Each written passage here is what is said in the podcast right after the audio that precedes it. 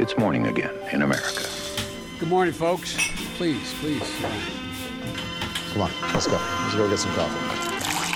Thank you very much. Det er mandag 9. april, og morgenkaffen fra amerikanskpolitikk.no er servert. Det er mellomvalgår, og en av de som følger aller tettest med på hva som skjer, og som også har eh, best peiling på hvor det bærer, er Charlie Cook fra The Cook Political Report. Han satt i panelet på Meet the Press på søndag, og hadde bl.a. dette å si om utsiktene til republikanerne i årets mellomvalg. An impact there, but when you look at what's going on in Oklahoma and Arizona, some pretty red places, and you, you look around, other than the Senate map, which states are up, I can't see anything good for Republicans this year. Nothing.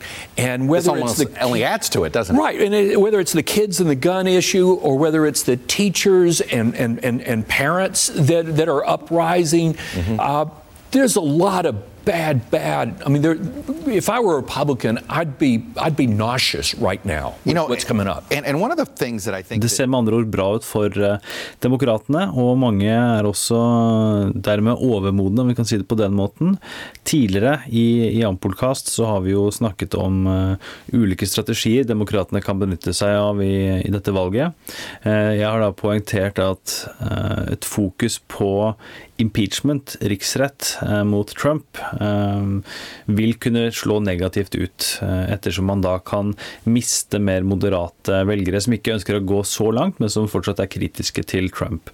Og det meldes nå fra flere hold at eh, republikanerne liker denne strategien, eh, og de prøver nå å knytte flest mulig demokrater opp til denne impeachment-strategien, eh, for på den måten å samle sine egne tropper med å peke på hvor langt demokratene er villige til å gå, dersom de skulle klare å gjøre det bra i høstens mellomvalg. Eh, Og de sier jo da eh, dette for å kanskje særlig da mer moderate republikanere som er litt skeptiske til Trump, til på en måte å bli med på laget en gang til. Eh, Gi Trump en ny sjanse. Eh, Og mange demokrater, mange demokratiske strateger, er eh, nervøse for dette, eh, fordi de nettopp ser konsekvensene av det. En av de, David Axelrod, tidligere president Barack Obamas sjefsstrateg, poengterer på Twitter at det er veldig viktig at demokratene ikke går i den fella her. At de ikke burde forplikte seg til impeachment og riksrett som noen strategi eller taktikk eller noe man snakker om, ettersom med mindre det er klart eh, og klare bevis for at man bør gå i den retningen, eh, så vil man være med på å normalisere riksrett som et eh, politisk verktøy. og og, som man sier, det vil være et, et stort nederlag for det amerikanske demokratiet og, og presidentembetet som institusjon. Den store nyhetssaken i dag er det som skjer i Syria, der det rapporteres om eh, mulig kjemisk angrep mot eh, opprørere. Og president Trump har vært eh, på Twitter kritisert Vladimir Putin med navn, i tillegg til Iran og Assad.